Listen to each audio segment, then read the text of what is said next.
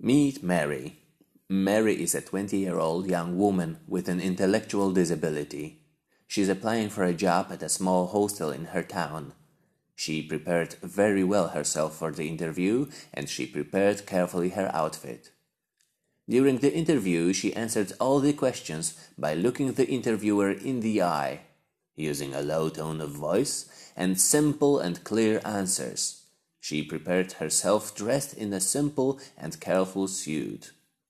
The interview went very well, and Mary was accepted as a receptionist. Mary was very happy, and she understood that using the right words and an assertive and calm attitude are the main success factors to get a job.